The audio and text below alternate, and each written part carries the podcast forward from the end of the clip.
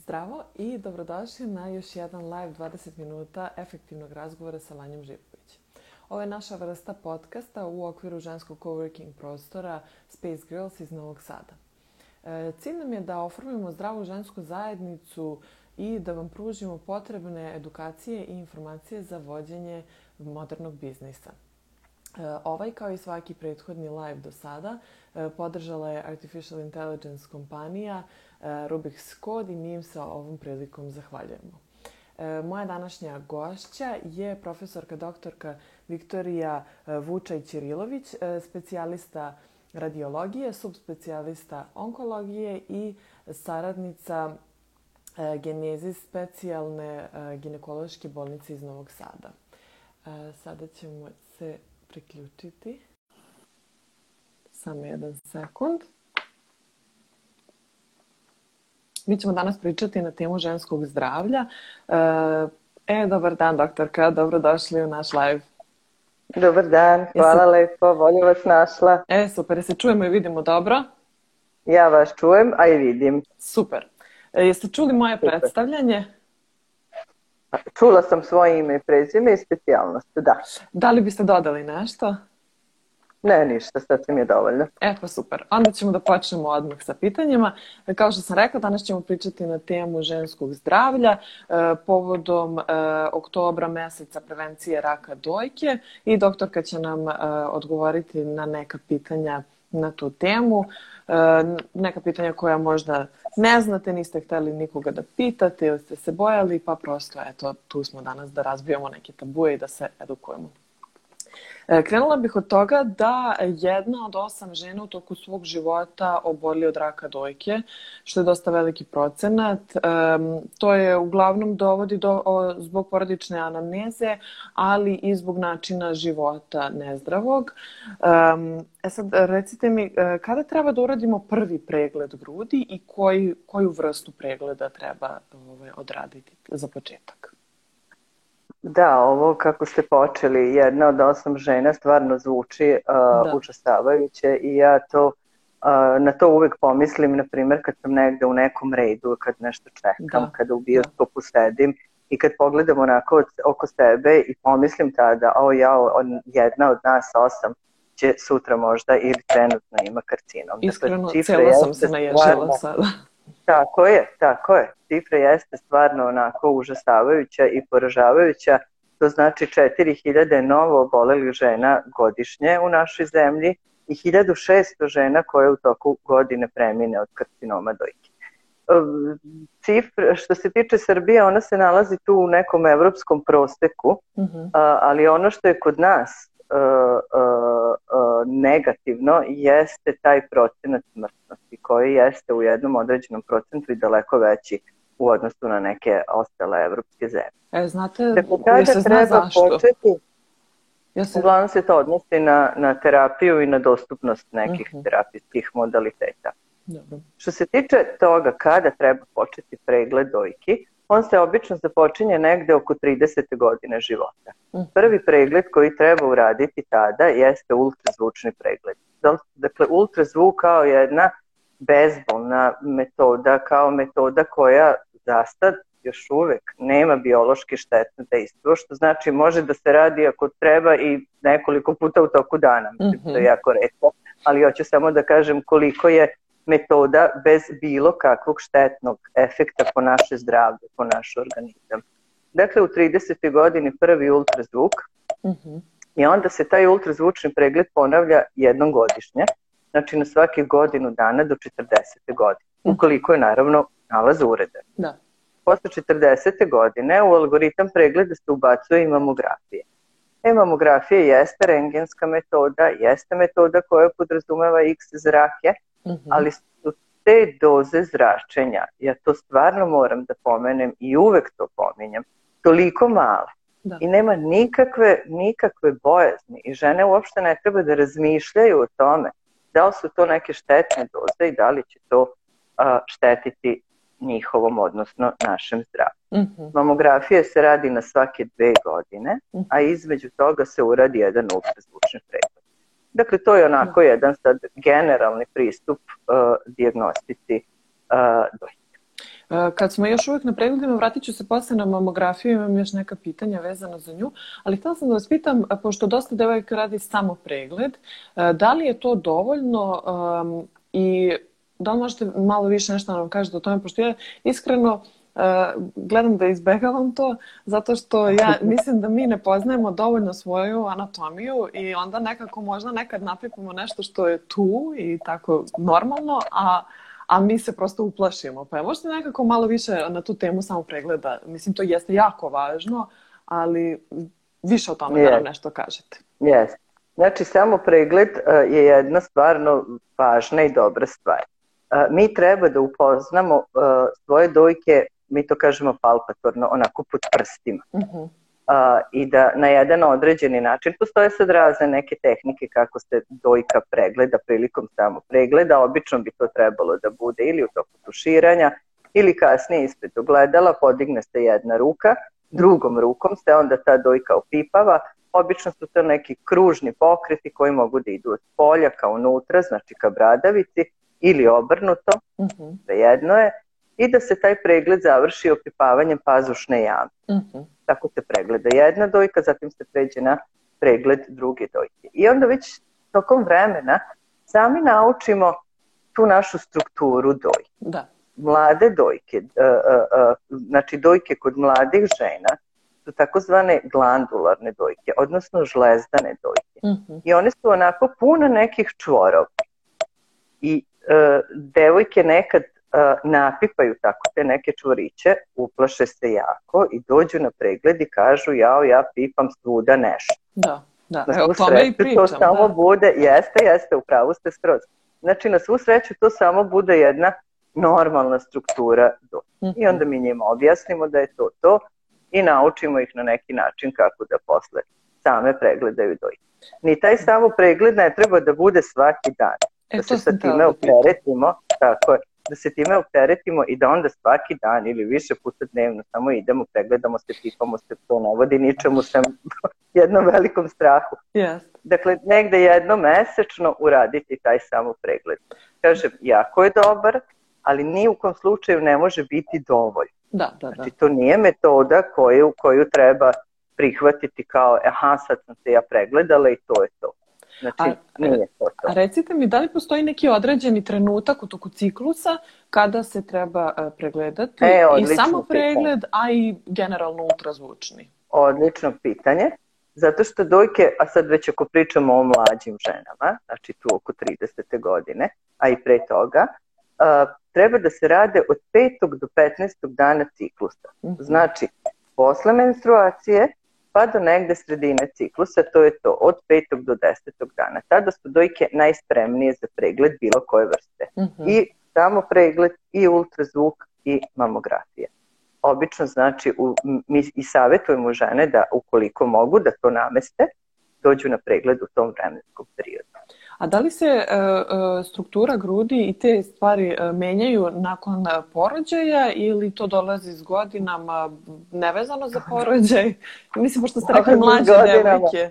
Jeste, jeste, dolazi, tako je, zato što su uh, kod mlađih devojaka dojke pred, predomina, pred, pretežno žlezdane, odnosno glandulare. Mhm. -huh. Kako starimo mi, kako stari naše dojke polako se ta žlezdana struktura tokom godina zamenjuje sa masnim tkivom, sa mhm. fibroznim tkivom.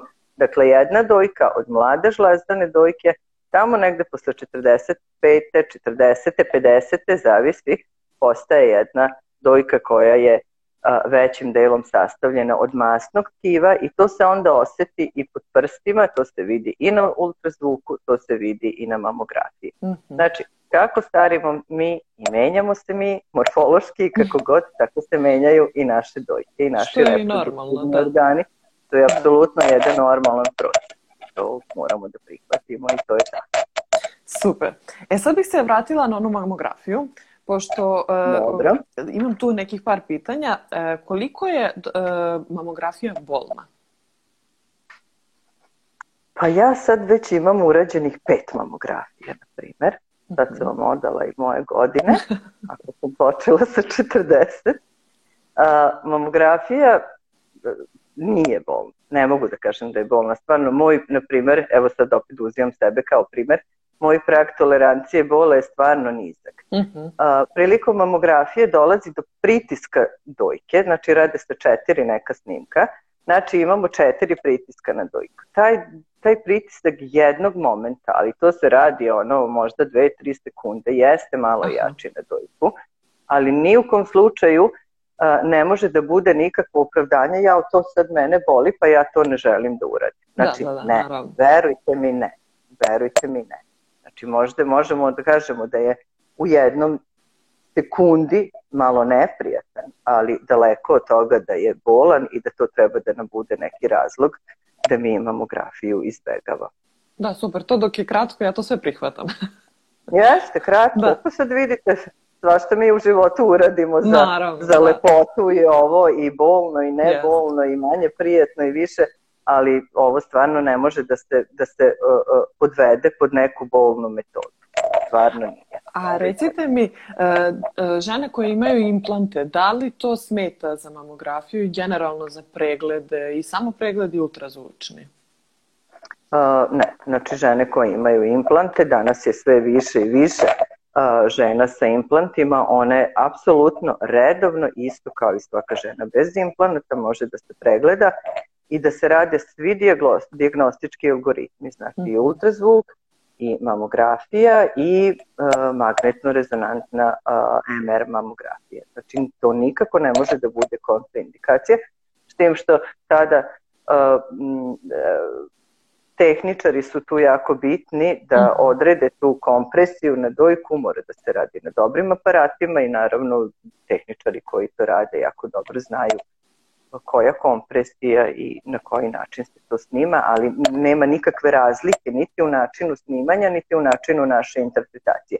Svi mi koji se bavimo diagnostikom dojke jako dobro znamo da šta, šta tu očekujemo i šta se tu a, upoznati smo i sa vrstama tehnike a, hiruške, hiruških intervencija u gradnji implantata i znamo šta se gleda, šta tu očekujemo i šta će se na takvim snimcima i prikazati. Znači, takvih žena je danas sve više i više i da, zato mislim i da je Zato da. mislim da je bitno pitanje ovo je da prosto... Jeste jako bitno pitanje, znate, žene koje imaju implante, one prvo zovu da pitaju da li mogu da dođu, da li sad da, one da, da. zbog tih implanata ovaj, u pravu ste, da li one smeju da se pregledaju. One da. apsolutno mo moraju da se pregledaju, isto tako kao i ostale žene bez bilo kakvog ugradnog materijala.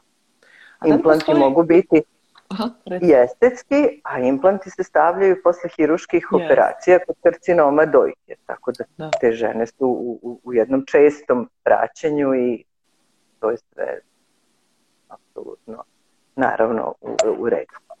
A recite mi, pored e, toga e, kad je deo, koji je deo ciklusa e, o, kom moramo da vodimo računa, da li postoji i neka druga vrsta pripreme za pregled? Bilo koji od ovih koje smo naveli? Uh, nema nekih velikih priprema, sem, uh, na primjer, kažemo ženama da ne stave dezodorans. To je ono što sad niko od nas ne voli kada ide negde na da. pregled, da sad kao ide bez dezodoransa. Nama to smeta, taj dezodorans ili talk u pazušnim jamama, jamama. A, može prilikom mamografije da pravi, mi to zovemo artefakti, znači kao neka zasenčenja koja, mm. koja ovaj, nama smetaju prilikom interpretacije, no mi opet znamo da su to te naslage od, od talka ili od dezodoransa, znači na pregled treba doći bez, bez dezodoransa, a druge neke pripreme posebne ni nema, sem da ispoštujemo to 5. do 15. dana ciklusa. Znači, nema nikakve veze ni sa jelom, ni sa nikakvim, ni sportskim aktivnostima, da. niti bilo uzimanje neke terapije. Znači, to apsolutno nema nikakve veze. A je se to odnosi i na mamografiju i na uh, ultrazvučni ili samo na jedan od dva? Mislim što se za dva Za mamografiju je, je značajniji. Znači za mamografiju je značajnije jer se na filmu ili kod digitalnih aparata na ekranu mogu videti te tačkice po najviše od talka ili od dezodoransa. A kad nam dođe žena na ultrazvučni pregled, pa kad podigne ruke, pa kad mi vidimo da tu sad onako već ima onih beličastih naslaga od dezodoransa, mi onda kažemo obrišite da, to, da, pa, da. pa se, pa se ovaj, obrišu žene. Tako da Nije problem ni tada, da. Nije ni tada problem, naravno. Ovaj, mi prilikom ultrazvučnog pregleda imamo jedan gel za ultrazvučni pregled, to su oni gelovi koji se koristi za sve ultrazvučne preglede, to se nanosi na dojke i onda se putem toga dojka istovremeno i pipa a, i gleda na ultrazvučnom aparatu. To je onaj famozni hladni gel. Jeste, koji zimi, zimi hladi i nije prijatan na leti, verujte mi da žene kažu jao, baš malo da ovo poplo je, tako je, malo da se raskladi. E, samo da vam prenesem da pozdrave. Nije uvijek neprijatan. Imate Dobro. pozdrave u komentarima. E, inače, poz, e, pozivam vas e, sve da slobodno postavljate pitanja za doktorku u komentarima. Vratit ćemo se posle na njih pa ćemo odgovoriti. E, zanima me, doktorka, kod van telesne oplodnje, zašto je bitan, e, bitno raditi i tada pregled? Uh, kod van telesne oplodnje je kao i u svim ovim drugim slučajima jako bitno uraditi preglede i redovno pratiti žene, jer van telesna oplodnja jeste jedan proces kraćeg ili dužeg trajanja. Žena tada može da dobije i neke hormonske stimulacije, jel tako? Uh mhm. -huh. I tada mi moramo da pratimo i da vidimo kako će se dojka u tim, u tim stimulacijama i ponašati. Naravno, najcrnje šta može da se desi jeste da žena koja uđe u proces van telesne oplodnje ima i karcinom, a da mhm. pritom ne zna. I zamislite koliko je onda bitno na vreme taj karcinom otkriti da. pre, pre bilo kakve trudnoće, a ne redko dešava se nažalost i to. Znači, u našoj bolnici je uvedeno u algoritam pregleda ovih deo, žena koje se nalaze u procesu van telesne oplodnje da se pre, pre samog procesa uradi pregled dojki, da li je to ultrazvuk pre 40. ili ultrazvuk i mamografija posle mm -hmm. 40. godine, da vidimo da li u tim dojkama slučajno nema nekih patoloških promjena. Različite promene i benigne etiologije, znači one dobroćudne etiologije, kao što su fibroadenomi, mogu takođe da rastu u toku trudnoće. Da, Tako da hormona, i to treba ja. da vidimo zbog hormona, jeste i zbog hormonske stimulacije. Tako da i to moramo da vidimo u startu koliki su oni bili, kako su izgledali da ih onda uh, pratimo i da vidimo da li rastu u toku uh, hormonske stimulacije. Tako da je to stvarno jedan od jako bitnih pregleda ovaj, uh, i pogotovo van telesne oplodnje mogu da se rade i više puta, mm -hmm. tako da količina hormona tu može biti e, značajna i apsolutno su dojke organ koji toku toga mora da se prati. E, znači, u suštini pre, preporučili biste da pre svake trudnoće se odradi pregled kako bi se ustanovilo, a da li smatrate da je onda dovoljno da, primer, taj redovan pregled za godinu dana ili mislite da ako, bud, ako ima vezanih tih, na primjer, van telesnih ovaj, pokušaja, e, da li možda pre svakog ili ja to čisto to nešto ne, to u, u slučaju u, u urednog nalaza ženu pregledamo redovno na godinu dana. Mhm. -huh. Znači to, to nije uh, indikacija da mi sa ženu pregledamo na svakih 3, 4, 5 meseci. Ne. Mhm. -huh. Znači u slučaju urednog nalaza mi indikujemo, uh, mi kao radiolozi uvek na kraju nalaza napišemo šta je sledeća kontrola i kad je sledeća kontrola, da niti žena mora da pamti, niti da razmišlja da. o tome. Znači uvek na kraju naših nalaza piše neka klasifikacija, birac klasifikacija koju mi koristimo za oboljenja dojke a, i napišemo šta je sledeća kontrola. Mhm. -huh. Tako da, a, i ono što bi još htela da napomenem, a, u trudnoći, mhm. -huh. zbog hormonskog, hormonske stimulacije, dojke ne glede. Znači, trudnoća period laktacije, odnosno dojenja, i još jedno, dva, tri meseca posle nisu periodi kada se dojka, dojke pregledaju. Mm -hmm. Slika nam je nerealna, kako da, kako da kažem. Znači, tada ne gledamo, se naravno imamo mi i trudnica, imamo mi i dojilja koje uh, dođu ili su nešto napipale, pa u nekim slučajima radimo biopsije, kažem, nekad otkrijemo dakle, i karcinome, tako da je, jes, kad je neophodno raditi, ali po algoritmu uh, u toku trudnoće i u toku perioda laktacije u, uh, pregledi dojki, se, uh, radiološki pregledi dojki mm. se ne da. sem E, imali smo jedno pitanje. Da li vaditi fibroadenome i u kom slučaju se vade? Ako sam to znači, dobro izgovorila. Jeste, odlično ste izgovorili. Fibroadenomi predstavljaju dobroćudne promene u dojkama. Oni su karakteristika mladih devojaka. Mhm. Znači u tim žlezdanim dojkama, u, baš u nekim periodima, još dok ste onako hormonski status kroz nestabilizuje, dođe jednog momenta do stvaranja tih fibroadenoma. Uh-huh. Po današnjim nekim novim stavovima fibroadenomi se ne operišu odmah nekad su se operisali, oni se prate. Uh-huh. Kada smo apsolutno sigurni na osnovu njihovih morfoloških ultrazvučnih karakteristika, kažem radi se uglavnom o mladim ženama, da su to fibroadenomi. Kada nam je sumljivo, mi ćemo uraditi biopsiju pa dokazati da je to fibroadenom. Uh-huh. Znači to je najtačnija medicinska a, potvrda ne, ne, neke promene. Znači uradimo biopsiju, to znači uzmemo dva, tri uzorka iz te promene u dojci, pošaljemo na patologiju, patolog nam kaže, a da, ovde se radi o fibroadenomu i onda mi vrlo onako opušteno pratimo taj fibroadenom. Mhm. Ukoliko fibroadenomi stagniraju, znači ne menjaju se u svojoj veličini, u svojoj morfologiji, odnosno izgledu, mhm. mi njih pratimo i oni ne moraju da se vade. I oni će jednog dana da počnu da stare sa našom dojkom. Uh Tako da mi, na primjer, kada imamo mamografiju kod žene od 55-60 godina, mi kažemo, ah, vi ovde imate jedan stari kalcifikovan fibroadenom, vi imate ga već 20 godina. Pa kažu kako znate? Pa znam. Da, da, da, Zbog tih njihovih karakteristika kako se oni menjaju tokom godina. Znači, po današnjim stavovima se, a, ukoliko se ne menjaju i ne rastu, ne vade. Mhm. -huh. Ukoliko fibroadenom u određenom vremenskom periodu raste i menja svoje karakteristike, onda se vadi. Mhm. -huh. Znači onda se vadi. To su uglavnom procene koje se vrše od strane radiologa, onda takva žena ode na konsultaciju kod hirurga i mi zajednički donesemo odluku da li to nešto treba da se vadi. Tako da u tim slučajevima hiruška ekstirpacija fibroadenoma je ovaj, a, preporučena.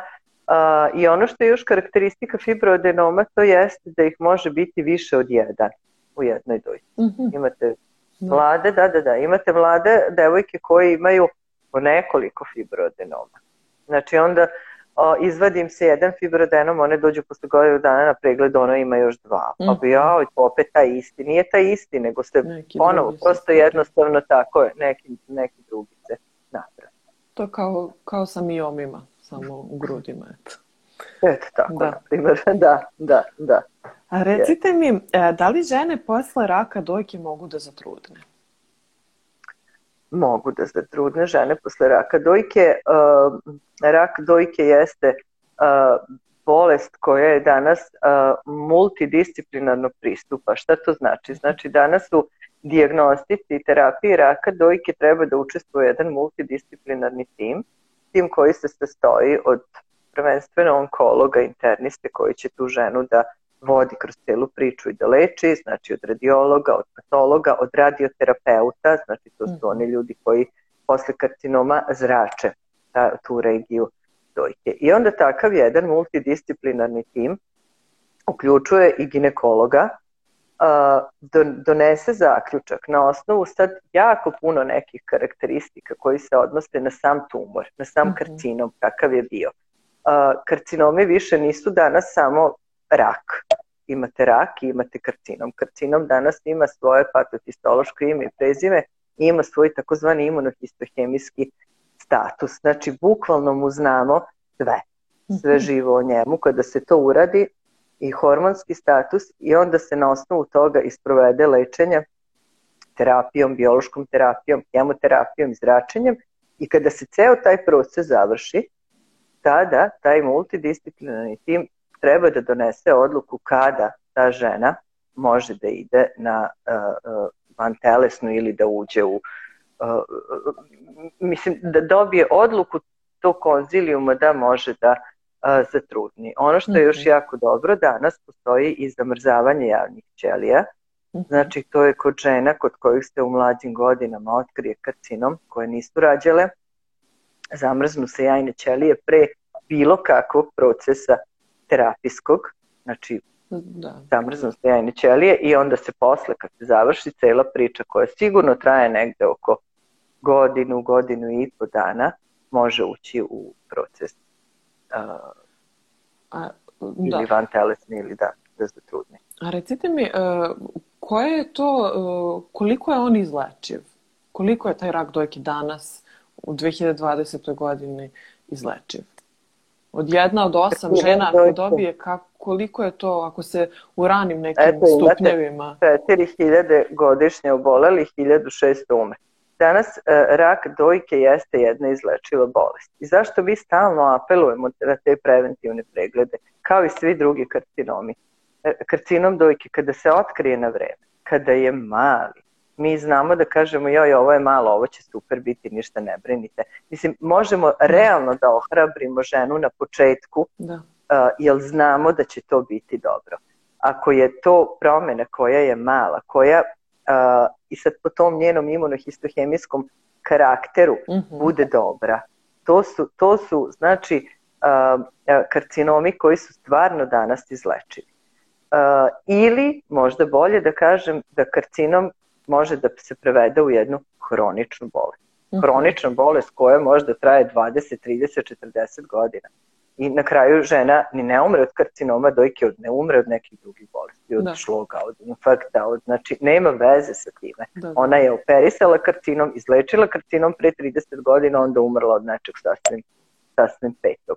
Znači, možemo da kažemo izlečiv ili je možda bolje reći jedan hronicitet a, jedna hronična bolest koja stoji, stoji, izlečili se i to Znači, više. hoćete u suštini da kažete da on nekako i posle svega toga ostaje u telu ili se telo iščisti od toga svega? Ne, iščisti. Mm. Evo, da kažemo tako, laički, iščisti se. Iščisti se. To su žene, a, znate kad neko a, a, preboli karcinom dojke, mi te žene po algoritmu pratimo 10 godina. Mhm. Znači, deset godina se te žene druže sa nama, dolaze jednom godišnje na preglede i posle deset godina ona prelazi u algoritam diagnostike kao i svaka kao druga da žena. Nije znači, jednom, da. Tako jednom godišnje ultrazvuk na svaku drugu godinu uh, mamografiju. I mi takvih žena na svu sreću imamo jako puno.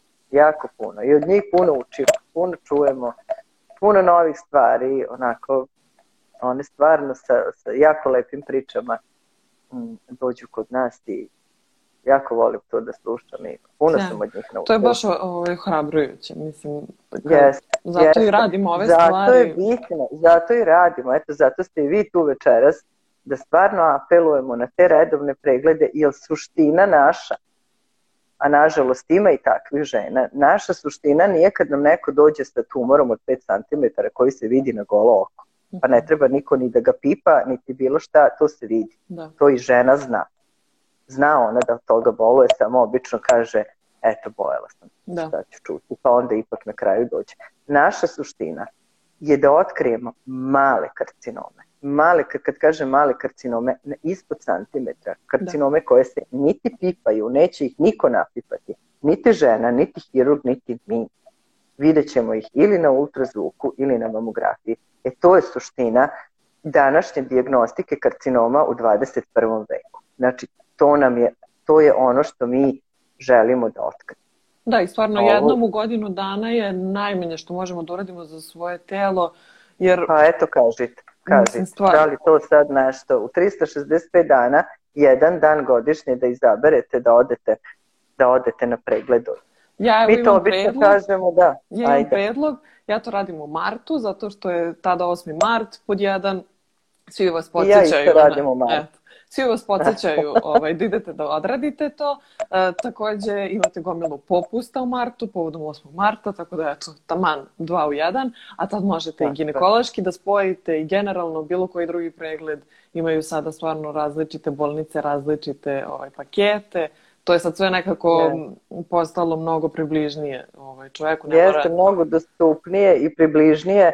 Eto, vi u martu, pa sa tim popustima mi ovde u bolnici u oktobru, ceo oktobar, akcija, da, raznorazni, tako je, naš marketing team stvarno smišlja raznorazne uh, opcije koje su zanimljive uh, i dovedi mamu na pregled i dovedi e, drugaricu da, i dođite da, da uh, u dvoje, sve je lakše u dvoje, znate, zbog tog uh, oktobar jeste mesec borbe protiv karcinoma dojke, ali karcinom dojke se ne javlja samo u oktobru mesecu, Naravno, da. karcinom da. dojke se javlja stalno, tako da Ali ako bismo se svi ovaj, pregledali bar eto tog oktobra, onda bi se bilo okej. Na primer. Da. bilo bi okej, okay, ali kažem, ne mora samo oktobar. Pa da. A recite mi sad, ovaj, što se tiče muškaraca, da li oni mogu da dobiju ragodojke? E, ako mogu, šta je neki savet za muškarce i nešto na tu temu da ih ne, ne zapostavimo baš skroz? Da, evo nećemo postaviti muškarce, malo i za muškarce, nešto da kažemo. Karcinom dojke je jako redak kod muškaraca, znači 1% uh -huh. a, muškaraca oboleva od karcinoma dojke. Znači redak je, ali postoji. A, obično se javljaju muškarci kada nešto napipaju uh -huh. i onda dođu i mi ili, gla, ili što se tiče algoritma pregleda on je isto. Da, znači da, da. i muškarci rade i ultrazvuk i muškarci rade mamografiju. Najčešći uzrok asimetrije dojke ne redovno, ne, ne, ne redovno, nego kada dođemo. A, znači, muškarci uopšte ne idu na preglede dojke. Da. Znači, to, to, to oni nemaju, oni imaju prostatu, mi imamo dojke. Da. Tako je, da. I, i, i njima je prostata a, a, najveća boljka u određenim godinama, tako da oni ne idu na preglede dojke. Ali u slučaju kada nešto napipaju ili primete a to može da bude ili da napipaju nešto ili asimetrija u veličini dojke, mm -hmm. tada se muškarci javljaju na pregled najčešće. Uh, tada je, to sam htela da kažem, algoritam pregleda je isti kao i kod žena, znači imamo ultrazvuk i imamo mamografiju. O MR mamografiji danas nismo pričali ne treba da bude tema ovog razgovora. Znači njima uradimo ultrazvuk i uradimo i mamografiju. Najčešće problem kod muškaraca bude takozvana ginekomastija, nagomilavanje masnog tkiva mm -hmm. a, a, u jednoj dojci više u odnosu na druge, pa se javlja onda asimetrija u veličini mm -hmm. ili to bude onako negde fokalno da se na jednom mestu napravi ta, ta, ta grudvica masnog tkiva, pa onda oni dođu na pregled. Znači to je najčešći uzrok asimetrije ili a, patologije, odnosno bolesti dojke I onda, kažem, u mnogo manjem slučaju statistički, odnosno procentualno je negde oko 1% muškaraca ima i karcinom dojke. Mm -hmm. Isto, znači, radimo im biopsiju, radi se patohistološka, imunohemijska, a, imunohistohemijska analiza i na osnovu toga ide lečenje. Znači, isto i kao i kod žena, samo što značajno, značajno, značajno procentualno manje. Super. Uh, htela bih za kraj da pomenem znači akciju koju vi sada imate u toku oktobra, a to je povedite mamu na mamografiju, a vi devojke dođete na ultrazvuk dojki, um, gde uh, je besplatan ultrazvuk ukoliko, ukoliko se nešto pojavi na mamografiji. Jesam dobro shvatila? Jeste, dobro e. ste shvatili. Uh, to je tako kako ste rekli, eto još i ovim putem pozivamo da. ovaj, i devojke sa svojim mamama da dođu u principu posle mamografije mi kao mi radiolozi određujemo da li treba ultrazvučna dopuna ili nam je dovoljna sama mm -hmm. mamografija. Tako da su to to su pregledi koji, e, koji su sami za sebe, ali se međusobno dopunjuju. Da. Znači, nekad ultrazvuk pomaže mamografiji, nekad mamografija ultrazvuku, odnosno različite promene se gledaju na mhm. ultrazvuku. Uh -huh. Ono što se nekad vidi na mamografiji ne vidi se na ultrazvuku i obrnuto. Da, da. Zato su to pregledi koje mi kombinujemo i onda dobijamo mnogi, mnogo veći stepen senzitivnosti metode. Znači, da. tad onako zaokružimo sve, jel ne vide se, imate nekad, na primjer, neke i karcinome koji se vide samo na mamografiji. Nemojte znači, to da mi pričate, molim. Neću, evo dalje neću. Evo dalje Nemojte. ne, nego da, Nisam... dođite na, tako. na ultrazvuk i povedite mamu na mamografiju. Tako, Možda tako da završimo. Time da. ćemo da završimo da, priču o tome. Tako. A e, takođe u saradnji sa Genezis bolnicom e, da najavim samo giveaway, pošto smo imali jedan giveaway ultrazvučnog pregleda na početku oktobra, Dajemo vam još jedan na kraju oktobra, ovaj put u bolnici Genezis i uh, imat ćete sve detalje uh, u postu. Ja ću takođe sačuvati i ovaj IGTV, uh, ali pogledajte u sledećem postu e, kako možete da učestvujete na giveaway. Obećavam da je jako bezbolno i nije dosadno, samo treba jednu osobu da tagujete i možda dobijete besplatan ultrazvučni pregled. Tako da, eto, to je to za danas. Doktorka, hvala vam puno. Mislim da smo uh, hvala i vama. razne teme, da smo odgovorili na razna pitanja. Uh, tako hvala da... i vama. Meni je bilo zadovoljstvo da pričam sa vama i da vodim ovaj razgovor. Baš hvala mi je drago. Hvala vam svima. Hvala. Prijetno. Hvala, pozdrav, prijetno.